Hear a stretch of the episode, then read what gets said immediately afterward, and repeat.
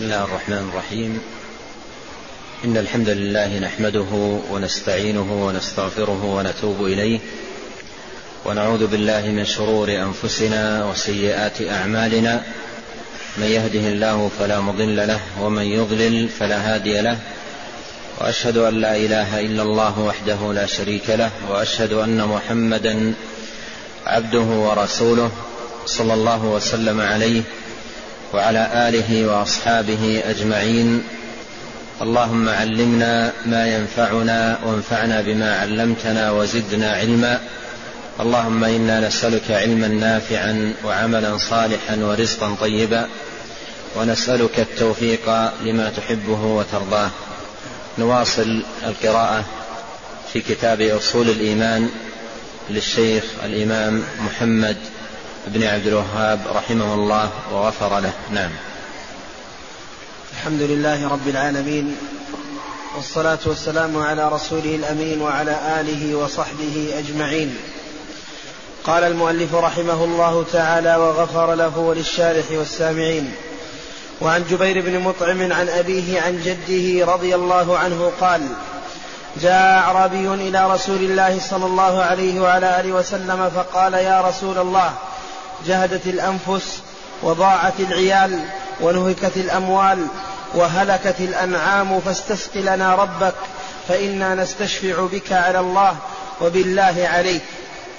فقال رسول الله صلى الله عليه وعلى آله وسلم ويحك أتدري ما تقول؟ وسبح رسول الله صلى الله عليه وسلم فما زال يسبح حتى عرف ذلك في وجوه أصحابه. ثم قال ويحك إنه لا يستشفع بالله على أحد. إنه لا يستشفع بالله على أحد من خلقه. شأن الله أعظم. شأن الله أعظم من ذلك. ويحك أتدري ما الله؟ إن عرشه على سماواته لها كذا. وقال بأصابعه مثل القبة عليه. وإنه ليئط به أطيط وإنه ليئط به أطيط الرحل بالراكب. رواه أحمد وأبو داود. أورد المصنف رحمه الله هذا الحديث حديث جبير بن مطعم رضي الله عنه في باب وما قدر الله حق قدره والأرض جميعا قبضته يوم القيامة والسماوات مطويات بيمينه سبحانه وتعالى عما يشركون.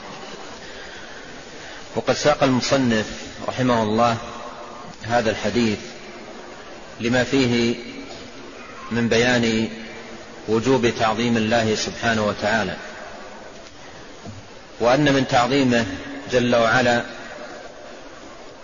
أن يصون المسلم كلامه من كل قول يتنافى مع التعظيم ويتنافى مع معرفة, مع معرفة العظمة. لله جل وعلا. وفي الحديث تنبيه إلى أن خطأ الإنسان فيما يتعلق بالله جل وعلا أو أسمائه وصفاته فرع عن نقص المعرفة بالله. فرع عن نقص المعرفة بالله جل وعلا وأن المعرفة به سبحانه وتعالى إذا تمكنت من القلب وتمكنت منه إذا تمكنت من القلب فإن أقوال الإنسان بإذن الله تبارك وتعالى يكون فيها السلامة لأنه يتكلم عن تعظيم لله تبارك وتعالى على ضوء ما جاء في كتابه وسنة نبيه صلوات الله وسلامه عليه حديث جبير الذي ساقه المصنف فيه أن أعرابيا جاء إلى النبي عليه الصلاة والسلام وقال يا رسول الله جهدت الأنفس أي أصابها الجهد وهو المشقة والتعب وضاعت العيال لأنه لما يجد لهم أولياؤهم ما ينفقون عليهم. لم يجدوا لهم القوت الطعام وضاعت العيال ونهكت الأموال. أي الأموال بدأت تقل وتضعف وتنقص ونهكت الأموال وهلكت الأنعام. أي بسبب القحط وقلة المياه وجفاف الزروع والنبات وهلكت الأنعام. فاستسق لنا ربك. استسق لنا ربك أي اطلب من الله وادعو الله أن يسقينا أن ينزل علينا الغيث. وهذا الأمر كان يفعله الصحابة. كان يفعله الصحابة ولا يزال يفعله المؤمنون يطلب من الإمام الذي يصلي بالناس أن يستسقي بهم يتوجه إلى الله عز وجل وهم وراءه صفوف يصلون ويتجهون إلى الله تبارك وتعالى بالدعاء ويرفع يديه في دعائه ويرفعون أيديهم ويدعو ويؤمنون استسق لنا أي أطلب من الله تبارك وتعالى أن يسقينا وهذا التوسل لا بأس به وهو التوسل بدعاء الصالحين الأحياء. التوسل بدعاء الصالحين الأحياء أن يطلب من الصالح الحي أن يدعو الله له ولا يخاطب بهذا غائب بل حي حاضر. ولا يخاطب بذلك أيضا ميت. بل هذا بتوسل بالصالحين الأحياء. ولهذا لما مات النبي عليه الصلاة والسلام لم يفعل هذا معه. وإنما كانوا في حياته عليه الصلاة والسلام يقولون له استسق لنا أو اطلب لنا من الله. أما بعد مماته لم يكن أحد من الصحابة وسلف الأمة يفعل شيء من ذلك. بل قال عمر بن الخطاب رضي الله عنه لما أصيبت الديار في زمانه بالقحط قال اللهم إنا كنا نستسقي بنبينا والآن نستسقي بعم نبينا قم يا العباس فادعوا الله لنا. لماذا قال قم يا العباس فادعوا الله لنا وعدل عما كانوا عليه؟ من طلب الدعاء من النبي عليه الصلاة والسلام؟ الجواب واضح. لأنه عليه الصلاة والسلام مات وقد قال إذا مات ابن آدم انقطع عمله إلا من ثلاث صدقة جارية أو علم نافع أو ولد صالح يدعو له.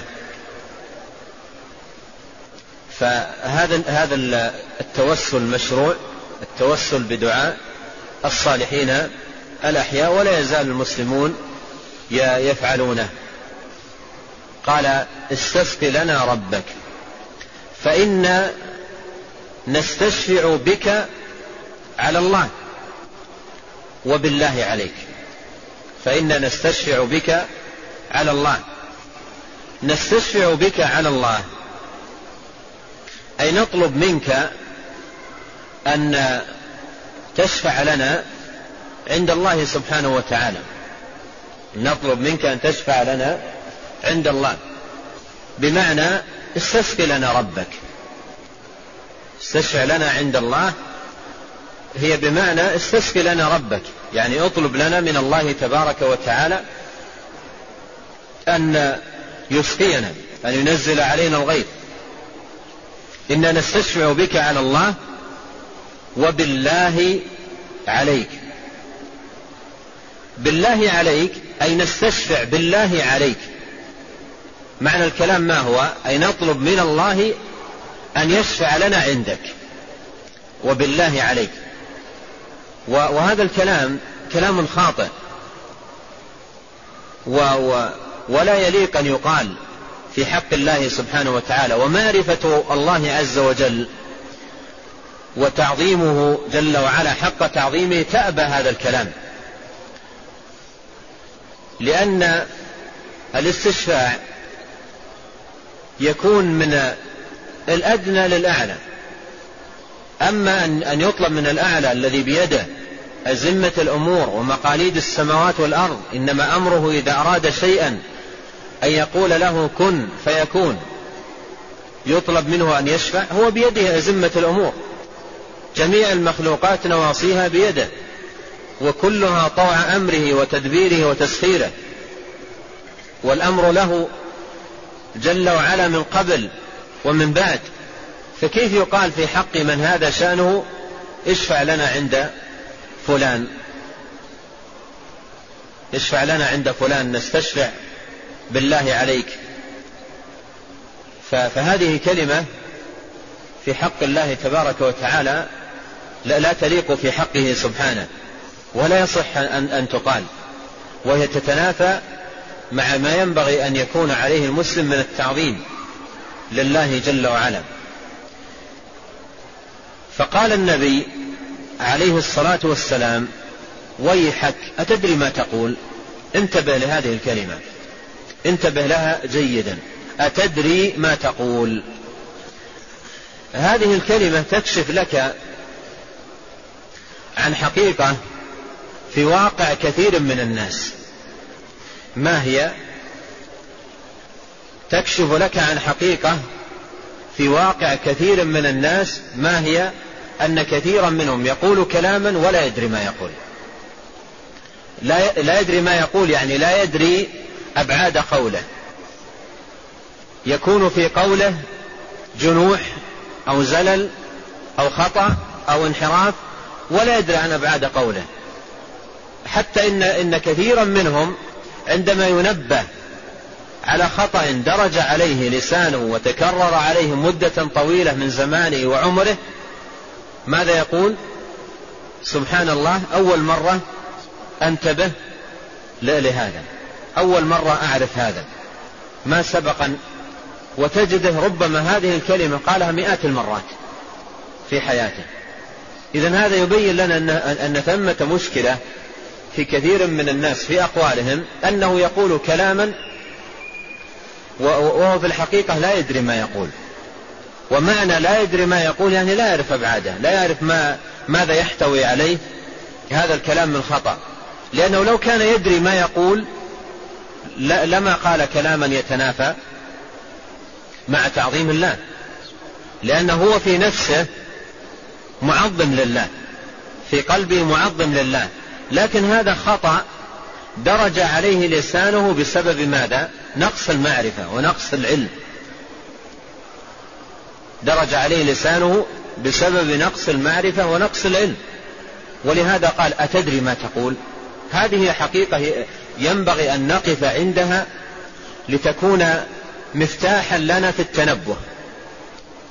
وأن الواجب على الإنسان ألا يكون خوضه في في كل كلام لا ما يدري عن حقيقته وما لا يدري عن حقيقته.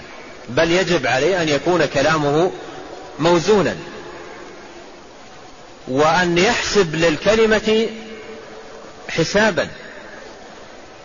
أن يحسب للكلمة حسابا. الخطأ في القول له خطر قد يقول الرجل الكلمة لا يلقي لها بالا يهوي بها في النار. سبعين خريفا وهل يكب الناس على وجوههم أو, على أو قال على مناخرهم إلا حصائد ألسنتهم؟ فالمخاطرة هكذا بالكلام وبالأقوال ورمي الكلام جزافا وكل ما دار في خلد الإنسان أو خاطره من كلام قاله وهو لا يدري ما هو هذه مخاطرة. فالحديث يفتح للعبد بابا في التنبه. في في التنبه لكلامه وللخطأ في في أقواله. وإذا سبرت مجالس الناس ومجالس العوام تجدها لا تخلو من كثير من الكلمات التي تنطوي على ماذا؟ على مخالفات شرعية. تنطوي على مخالفات شرعية إما مخالفات في باب القدر أو مخالفات في باب الإيمان أو مخالفات في باب الأسماء والصفات والتعظيم لله تبارك وتعالى أو مخالفات في حق جناب الرسول عليه الصلاة والسلام. إلى غير ذلك من المخالفات اللفظية الكثيرة التي تدرج وتنتشر في كثير من العوام وهي مبنية على أنهم لا يدرون ما يقولون. أتدري ما يقول؟ إذا قوله عليه الصلاة والسلام أتدري ما تقول؟ فيه تنبيه إلى وزن الكلام وضبطه بضوابط الشريعة. إلى وزن الكلام وضبطه بضوابط الشريعة. وألا يكون الإنسان في في ألفاظه آه، منطلقا يقول كل قول وكل كلام ما صح منه وما لم يصح. بل يضبط كلامه ويزن كلامه بموازين الشريعة. أتدري ما تقول؟ يعني هذا كلام لا يقوله من يدري آه، بكلامه ويعرف أبعاد كلامه. أتدري ما تقول؟ وهذا أيضا فيه تنبيه إلى أهمية العلم في ضبط الكلام. أهمية العلم الشرعي لأن الإنسان متى ما خلا من العلم الشرعي وضعف حظه منه حصل فيه من فساد الكلام حصل فيه من فساد الكلام بحسب ما فرط فيه من العلم الشرعي. فالعلم الشرعي يصون الإنسان ويصون ألفاظه ويصلح منطقه وتكون به زكاته. قال ويحك وقوله ويحك هذه كلمة تقريع وزجر تأتي بها العرب للتقريع وللزجر ويحك. أتدري ما تقول؟ وسبح رسول الله صلى الله عليه وسلم فما زال يسبح. يعني بعد أن قال للرجل ويحك أتدري ما تقول؟ أخذ يسبح. سبحان الله سبحان الله سبحان الله. يكررها. عليه الصلاة والسلام سبحان الله سبحان الله. يرددها عليه الصلاة والسلام. ما زال يسبح. يردد تسبيح الله تبارك وتعالى حتى عرف ذلك في وجه وجوه أصحابه. يعني عرف آه، تغير النبي عليه الصلاة والسلام وظهور الغضب عليه صلوات الله وسلامه عليه حتى عرف ذلك في وجوه أصحابه. وأصحاب النبي عليه الصلاة والسلام كانوا يعرفون من من وجهه عليه الصلاة والسلام الأمر. إذا كان محرما عرفوه من وجهه. إذا كان باطلا عرفوه من وجهه. إذا كان أمرا طيبا مباحا عرفوه من وجهه. حتى عرف ذلك في وجوه أصحابه أي التأثر الذي كان ظهر على النبي عليه الصلاة والسلام الغضب وحتى عرف ذلك في وجوه أصحابه. ثم عاد الخطاب للرجل منبها له على خطأه. بعد أن سبح عليه الصلاة والسلام والتسبيح تنزيه لله. والحديث يدل على مشروعية الإتيان بالتسبيح عندما يقال في حق الله سبحانه وتعالى قول خطأ أو كلام لا يليق بجلاله وعظمته. قال عز وجل وقالوا اتخذ الرحمن ولدا سبحانه. وقال جل وعلا سبحان ربك رب العزة عما يصفون. وسلام على المرسلين. سبحان ربك رب العزة عما يصفون. ينزه تبارك وتعالى هنا نفسه عما يصفه به أعداء الرسل والمخالفون للرسل. فالله جل وعلا ينزه عن كل ما لا يليق به. والتسبيح تنزيه الله. جل وعلا. فلما قال هذا الأعرابي كلاما لا يليق بالله أخذ النبي صلى الله عليه وسلم يسبح ويكرر آه، التسبيح تنزيها لجناب الرب العظيم من أن يقال فيه مثل هذا. قال ويحك إنه لا يستشفع بالله على أحد من خلقه. شأن الله أعظم من ذلك. إنه لا يستشفع بالله على أحد من خلقه. يقول الشافعي رحمه الله إنما يستشفع إنما يستشفع من الأدنى للأعلى. إنما يستشفع من الأدنى للأعلى. يعني يطلب من الأدنى أن يشفع عند الأعلى. والأدنى لا يستشفع عند الأعلى الذي هو رب العالمين إلا بإذنه سبحانه لأن الشفاعة ملكه. قل لله الشفاعة جميعا. أما أن يستشفع بالله على أحد من خلقه هذا كلام باطل لأن الله عز وجل بيده أزمة الأمور وجميع الخلق مماليك له ومخلوقات له أوجدهم من العدم تحت مشيئته وتصرفه وتدبيره. فمن عرف الله سبحانه وتعالى وعظمه لا يمكن أن يقول في في حق الله اشفع لنا عند فلان. اشفع لي عند فلان أو نحو هذه الكلمة. فهذه تأتي من نقص المعرفة ونقص التعظيم لله تبارك وتعالى. قال إنه لا يستشفع بالله على أحد من خلقه شأن الله أعظم من ذلك. شأن الله أعظم من ذلك. وهذا فيه الشاهد للترجمة ولسوق المصنف رحمه الله لهذا الحديث لبيان وجوب تعظيم الله. لبيان وجوب تعظيم الله. لأن قوله في, في, في الباب باب قول الله تعالى وما قدر الله حق قدره أي ما عظموا الله حق تعظيمه. ما عظم الله حق تعظيمه. وكل ما خطأ كل خطأ يتعلق بالله بجناب الله سبحانه وتعالى هو من نقص التعظيم. هو من نقص التعظيم. حتى الأخطاء التي تكون في ألفاظ الناس هذه من نقص التعظيم. شأن الله أعظم من ذلك. ويحك أتدري ما الله؟ ويحك أتدري ما الله؟ يعني أتدري من هو الذي قلت في حقه هذه الكلمة؟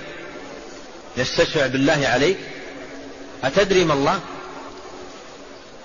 قال إن عرشه على سمواته لها كذا وقال بإصبعه, بإصبعه مثل القبة وإنه لا يئط به أطيط الرحل بالركب. هنا ينبه النبي عليه الصلاة والسلام أن الرب العظيم جل وعلا مستو على عرشه استواء يليق بجلاله وكماله سبحانه وتعالى كما أخبر ثم استوى على العرش.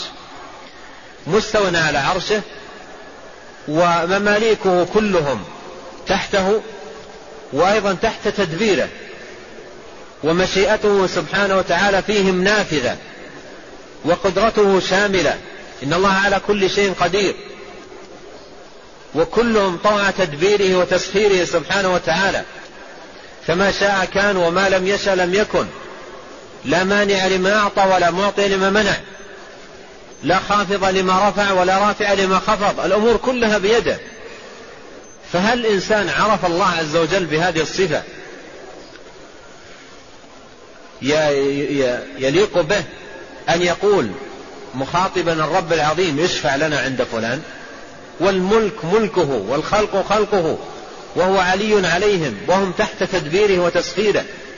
أيقال في حق من هذا شأن اشفع لنا عند فلان.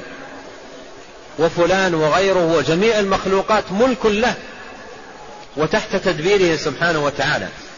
أتدري ما الله؟ يعني من عرف الله سبحانه وتعالى ما يقول هذا الكلام؟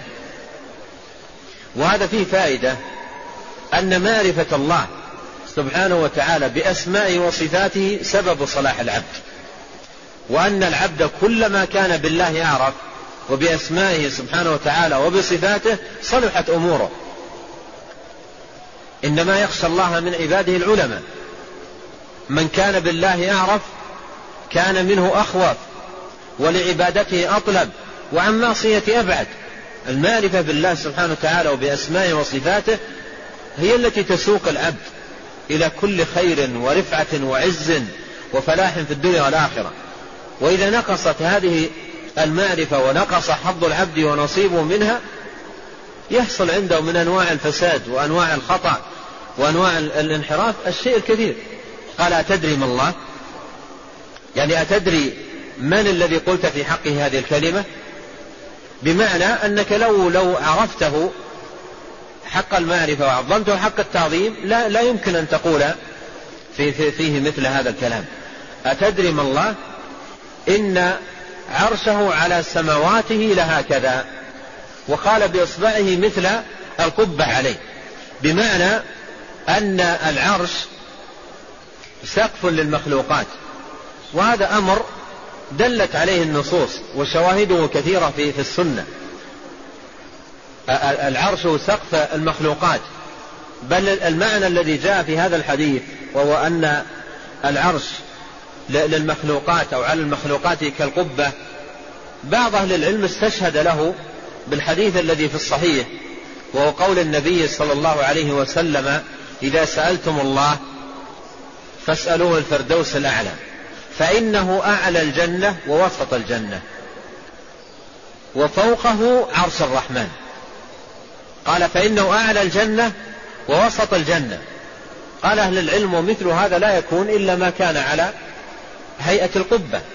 فإنه أعلى الجنة ووسط الجنة وفوقه عرش الرحمن. فعرش الرحمن هو سقف المخلوقات وهو أعلاها وأرفعها وأوسعها ذو العرش المجيد أي الواسع فهو أوسع المخلوقات وأكبرها وأعظمها. وهو فوق المخلوقات والله تبارك وتعالى مستو على عرشه. يدبر أمر المخلوقات يأمر وينهى يخفض ويرفع يعز ويذل يعطي ويمنع يبسط ويقبض يحيي ويميت يدبر الأمر. والكل تحت تدبيره. لا يكون في هذا الملك وهذا الكون لا يكون في العالم من حركة إلا بتدبير الملك ملكه. ما شاء الله كان وما لم يشأ لم يكن. قال قال بإصبعه هكذا مثل القبة وإنه ليئط به أطيط الرحل بالراكب. فهنا الحديث فيه ذكر العرش وذكر علو الله تبارك وتعالى واستواءه على على عرشه وفيه تعظيم الله جل وعلا وفيه صيانة الألفاظ والبعد عن عن الخطأ والغلط في حقه سبحانه وتعالى.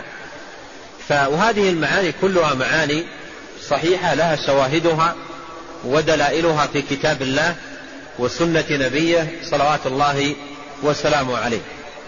والحديث رواه أبو داود في سننه ومن أهل العلم من حسن هذا الحديث ومنهم من تكلم فيه من جهة الإسناد لأن فيه عنعنة محمد بن إسحاق فبعض أهل العلم ضعف الحديث من جهة إسناده ومنهم من حسن الحديث لكن المعاني التي في الحديث التي هي إثبات العرش وإثبات استواء الله على العرش وإثبات عظمة الله تبارك وتعالى والنهي عن مثل هذه الألفاظ ونحو ذلك هذا كله شواهده ودلائله في كتاب الله وسنة نبيه صلوات الله وسلامه عليه كثيرة قال وعن أبي هريرة رضي الله عنه قال قال رسول الله صلى الله عليه وعلى آله وسلم قال الله عز وجل كذبني ابن آدم ولم يكن له ذلك وشتمني ولم يكن له ذلك. أما تكذيبه إياي فقوله لن يعيدني كما بدأني وليس أول الخلق بأهون علي من إعادته. وأما شتمه إياي فقوله اتخذ الله ولدا وأنا الأحد الصمد الذي لم يلد ولم يولد ولم يكن له كفوا أحد. وفي رواية عن ابن عباس رضي الله عنهما وأما شتمه إياي فقوله لي فقوله لي ولد وسبحاني. وسبحاني أن أتخذ صاحبة أو ولدا. رواه البخاري. ثم أورد المصنف رحمه الله في باب تعظيم الله جل وعلا حديث أبي هريرة رضي الله عنه. قال قال رسول الله صلى الله عليه وسلم قال الله عز وجل وكل حديث يرويه الرسول عليه الصلاة والسلام عن ربه يقول فيه قال الله عز وجل فهو حديث قدسي وهو بألفاظه ومعانيه كلام الله عز وجل. قال الله عز وجل كذبني ابن آدم ولم يكن له ذلك وشتمني ولم يكن له ذلك.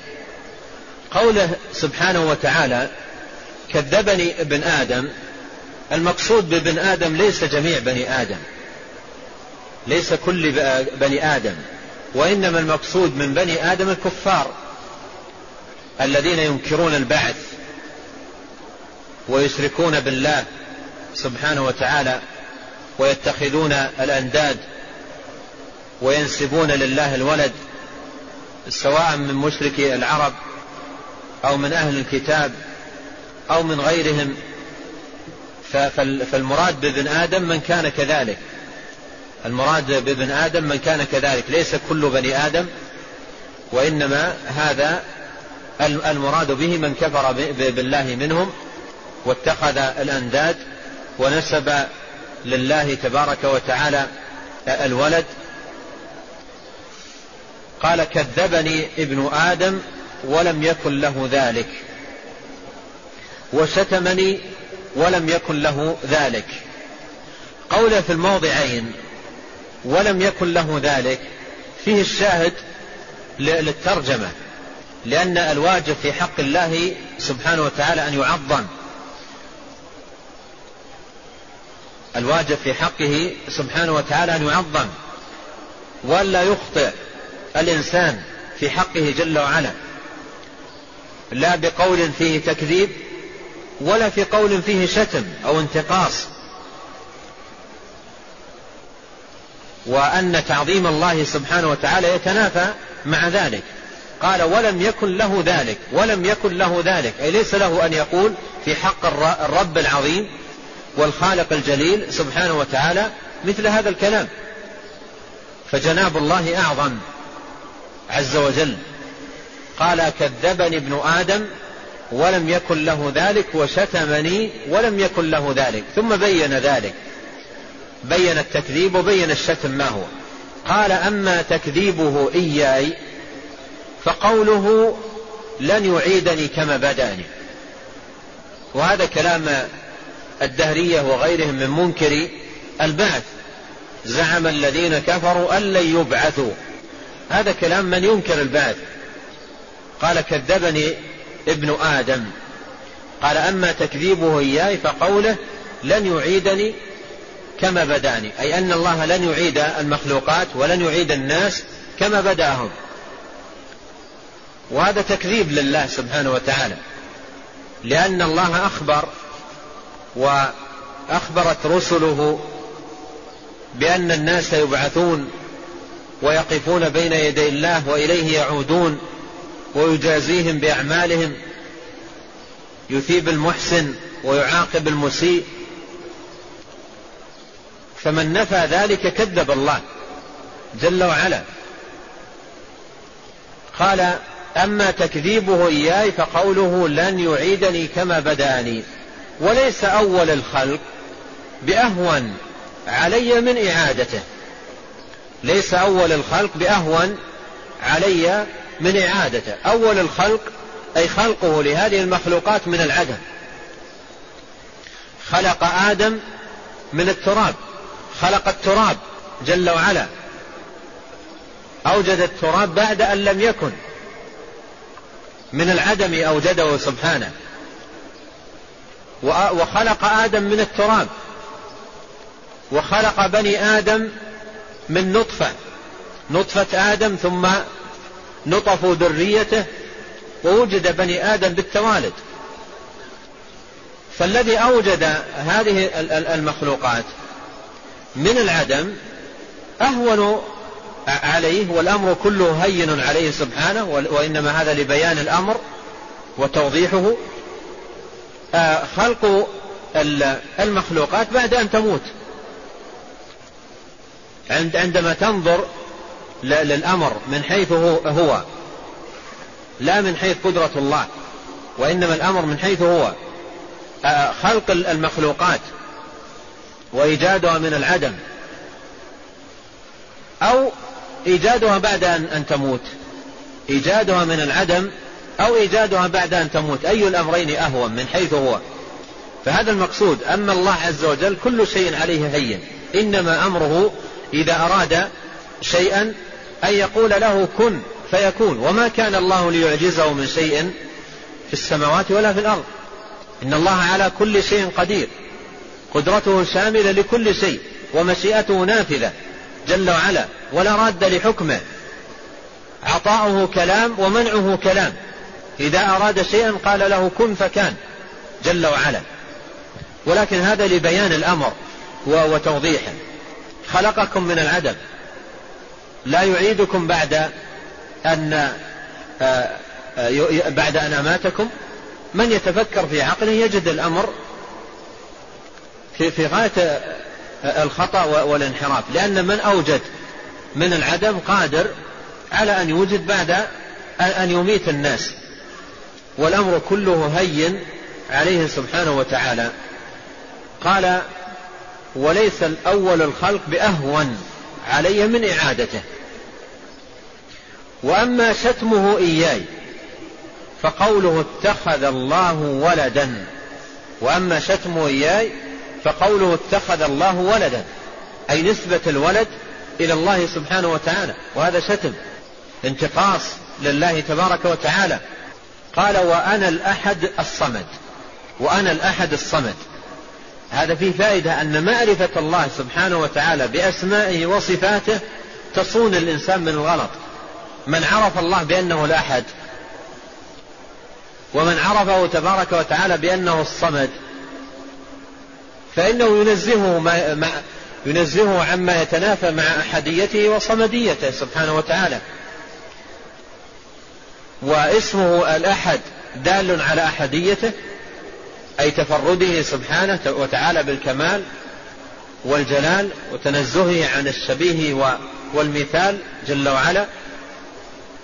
والصمد يدل على كمال صفاته وكمال غناه وافتقار جميع المخلوقات اليه فالصمد هو الذي كمل في سؤدده كمل في علمه كمل في حكمته كمل في رحمته كما جاء هذا المعنى عن ابن عباس رضي الله عنهما والصمد الذي تصمد إليه الخلائق وتفزع إليه في حوائجها. فالصمد من الأسماء التي لا تدل على معنى مفرد وإنما تدل على معاني. من معاني الصمد كمال صفاته ومن معاني الصمد شدة افتقار المخلوقات إليه وفزعها إليه في حوائجها.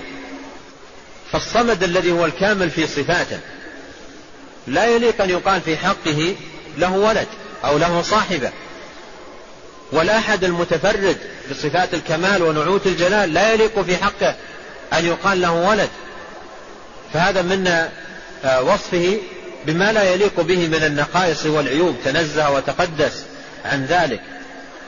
قال فقوله اتخذ الله ولدا آه، وأما شتمه إياي فقوله اتخذ الله ولدا وأنا الأحد الصمد. الذي لم يلد ولم يولد ولم يكن له كفوا أحد. لم يلد نفي لوجود فرع. و و و ولم يولد نفي لوجود الأصل. بل هو عز وجل المتفرد بأحديته وصمديته وكماله وجلاله وعظمته جل وعلا. لم يلد ولم يولد ولم يكن له كفوا أحد. والكفو هو النظير والمثيل والسمي. هل تعلم له سميا استفهام بمعنى النفي أي لا سمي له. ليس كمثله شيء وهو السميع البصير. فلا تضربوا لله الأمثال ولله المثل الأعلى. فلا تجعلوا لله أندادا وأنتم تعلمون. فالله عز وجل لا سمي له ولا كفو له ولا نظير له. تنزه وتقدس عن ذلك. قال وفي رواية عن ابن عباس رضي الله عنهما قال وأما شتمه إياي فقوله لي ولد أي نسبة الولد إلى إلى الله سبحاني. سبح تبارك وتعالى نفسه أي نزه نفسه. سبح نفسه أي نزهها. وتسبيح الله تبارك وتعالى لنفسه كثير في القرآن. سبحان ربك رب العزة عما يصفون. وسلام على المرسلين سبح نفسه جل وعلا عما يقوله أعداء الرسل وسلم على المرسلين لسلامة ما قالوه في حق الله تبارك وتعالى من النقص والعيب. قال سبحاني أن أتخذ صاحبة ولا ولدا. فنسبة الولد لله وكذلك نسبة الصاحبة هذا فيه, فيه انتقاص وهو يتنافى مع التعظيم. والواجب هو تعظيم الله عز وجل وقدره حق قدره سبحانه كما هو المقصود والمراد في هذه الترجمة قول الله جل وعلا وما قدر الله حق قدره نعم. قال ولهما عن أبي هريرة رضي الله عنه قال قال رسول الله صلى الله عليه وعلى آله وسلم قال الله تعالى يؤذيني ابن آدم يسب الدهر وأنا الدهر بيدي الأمر أقلب الليل والنهار.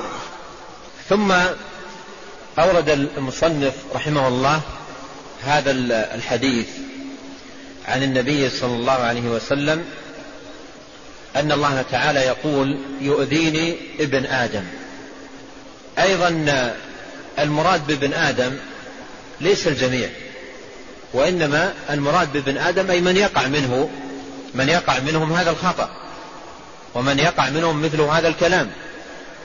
أما من آه، كان سالما من ذلك وهم الرسل وأتباع الرسل بإحسان هؤلاء لم يقع منهم هذا الأمر. وحفظهم الله عز وجل منه وصانهم. فالمراد بابن آدم أي من يقع في هذا الخطأ ومن يقع في مثل هذا الكلام. قال يؤذيني ابن آدم. وقوله هنا يؤذيني ابن آدم لا يتنافى مع ما جاء في الحديث القدسي الآخر حديث أبي ذر. يا عبادي إنكم لن تبلغوا ضري فتضروني. فالعبد مهما فعل ومهما كان منه من قول أو فعال لن يبلغ ضر الله سبحانه وتعالى. وهو القاهر فوق عباده. و و و وهو جل وعلا القدير على كل شيء. وهو القاصم لظهور الجبابرة والظلمة والبغاة. وكذلك أخذ ربك إذا أخذ القرى وهي ظالمة. إن أخذه أليم شديد. لن تبلغوا ضري فتضروني. فقوله هنا يؤذيني ابن آدم لا يتنافى مع, مع قوله لا, لا لن تبلغوا ضري. لأن هذا هذا قولي يعني كلام قولي يقوله الإنسان وهو كلام فيه أذى. كلام فيه أذى فيه كلام فيه سوء. كلام فيه قبح. قال يؤذيني ابن آدم. ثم بين ذلك. قال يسب الدهر. يسب الدهر أي يشتم الدهر. يسب الدهر أي يشتمه. يشتم الدهر. والدهر هو تقلب الليل والنهار. الأيام الشهور السنوات الأسابيع الساعات الدقائق كلها أجزاء للدهر. فالدهر هو تقلب الليل والنهار. تقلب الليل والنهار في سنوات وفي شهور وفي أسابيع وفي أيام وفي ساعات وفي دقائق. هذا كله تسخير من الله سبحانه وتعالى وتدبير جل وعلا. فالأسبوع واليوم والشهر والساعة والدقيقة كلها لا تملك من أمرها شيء بل هي مسخرة مدبرة. لا تملك شيئا. المسخر لها رب العالمين والمدبر لها رب العالمين. فالله يقول يؤذيني ابن آدم يسب الدهر. ما هو سب الدهر؟ أن يقول الإنسان عندما يحصل له مشكلة معينة أو أمر معين أو شيء مؤذي معين فيسب الدهر. يسب الساعة أو يسب اليوم أو يسب الشهر أو يسب الزمان أو نحو ذلك من الأوقات. يعني مثلا يدرج على ألسنة الناس كثير من الألفاظ التي تدخل في الحديث. ليس المراد يسب الدهر أن يكون السب متجه إلى هذه اللفظة بذاتها. ليس هذا المراد. يعني أن بل كل ما كان بمعنى الدهر أو جزء من أجزائه سبه من سب الدهر. فتجد بعض الناس على سبيل المثال إذا وقع له مشكلة مع شخص معين سب الساعة.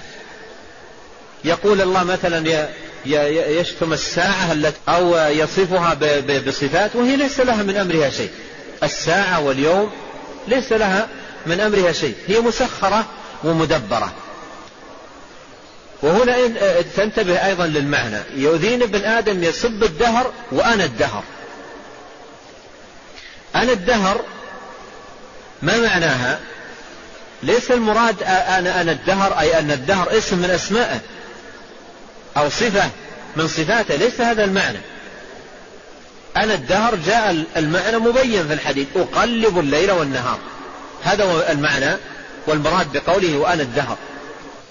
أنا الدهر قال أقلب الليل والنهار. فالدهر الذي هو تقلب الليل والنهار تقلبه بمشيئة الرب سبحانه وتعالى. فهو مقلب. الدهر مقلب. ليس له من تقلبه أمر أو اختيار مقلب. فسب المقلب سب لما لمن؟ لمقلبه. سب المقلب سب لمقلبه. فالذي يسب الدهر الذي هو مقلب يقلبه رب العالمين كيف يشاء؟ وهو الذي جعل الليل والنهار خلفة. الله جل, جل وعلا جعل الليل والنهار بهذه الصفة. والليل والنهار والساعات والدقائق كلها بتسخيره وتدبيره سبحانه وتعالى. فسب المسخر سب لمسخره. سب المدبر سب لمدبره. سب المقلب سب لمقلبه. قال يؤذيني ابن آدم يسب الدهر. وأنا الدهر بيد الأمر. أقلب الليل والنهار. فأمر الدهر بيد الله سبحانه وتعالى. فهو الذي يقلب تبارك وتعالى الليل والنهار فسب الدهر سب لمقلبه ومسخره ومدبره وهو رب العالمين. هذا معنى قوله يؤذيني ابن آدم يسب الدهر وأنا الدهر بيد الأمر أقلب الليل والنهار.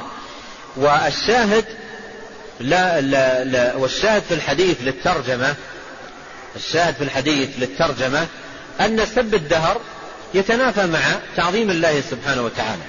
سب الدهر يتنافى مع تعظيم الله. فمن نقص تعظيم المرء لله أن يسب الإنسان الساعة أو يسب الزمان أو يسب اليوم أو يسب الدقيقة أو اللحظة أو ما أشبه ذلك. كل ذلك سبه من نقص تعظيم الله جل وعلا.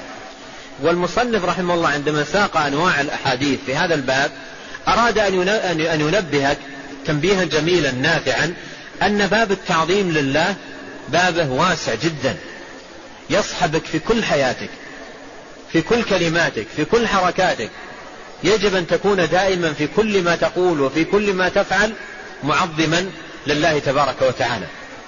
وإياك أن ينزلق بك الكلام هنا أو هناك وفي أي موطن فتأتي بكلمات تتنافى مع ما ينبغي أن يكون عليه المسلم من تعظيم لله جل وعلا. لا الإيذاء ليس ليس بمعنى الضر. يعني الله عز وجل نفى الضر وأثبت الإيذاء. قال يؤذيني ابن آدم. والإيذاء كما عرفنا كلمات يقولها ابن آدم وهي مؤذية. والعبد مهما قال من من كلام أو فعل من من أمر لن يبلغ ضر الله تبارك وتعالى. إنكم لن تبلغوا ضري فتضروني. والله تعالى أعلم. نعم. معنى الإيذاء نعم. معنى الإيذاء. أن يبلغ لا الإيذاء ليس ليس بمعنى الضر.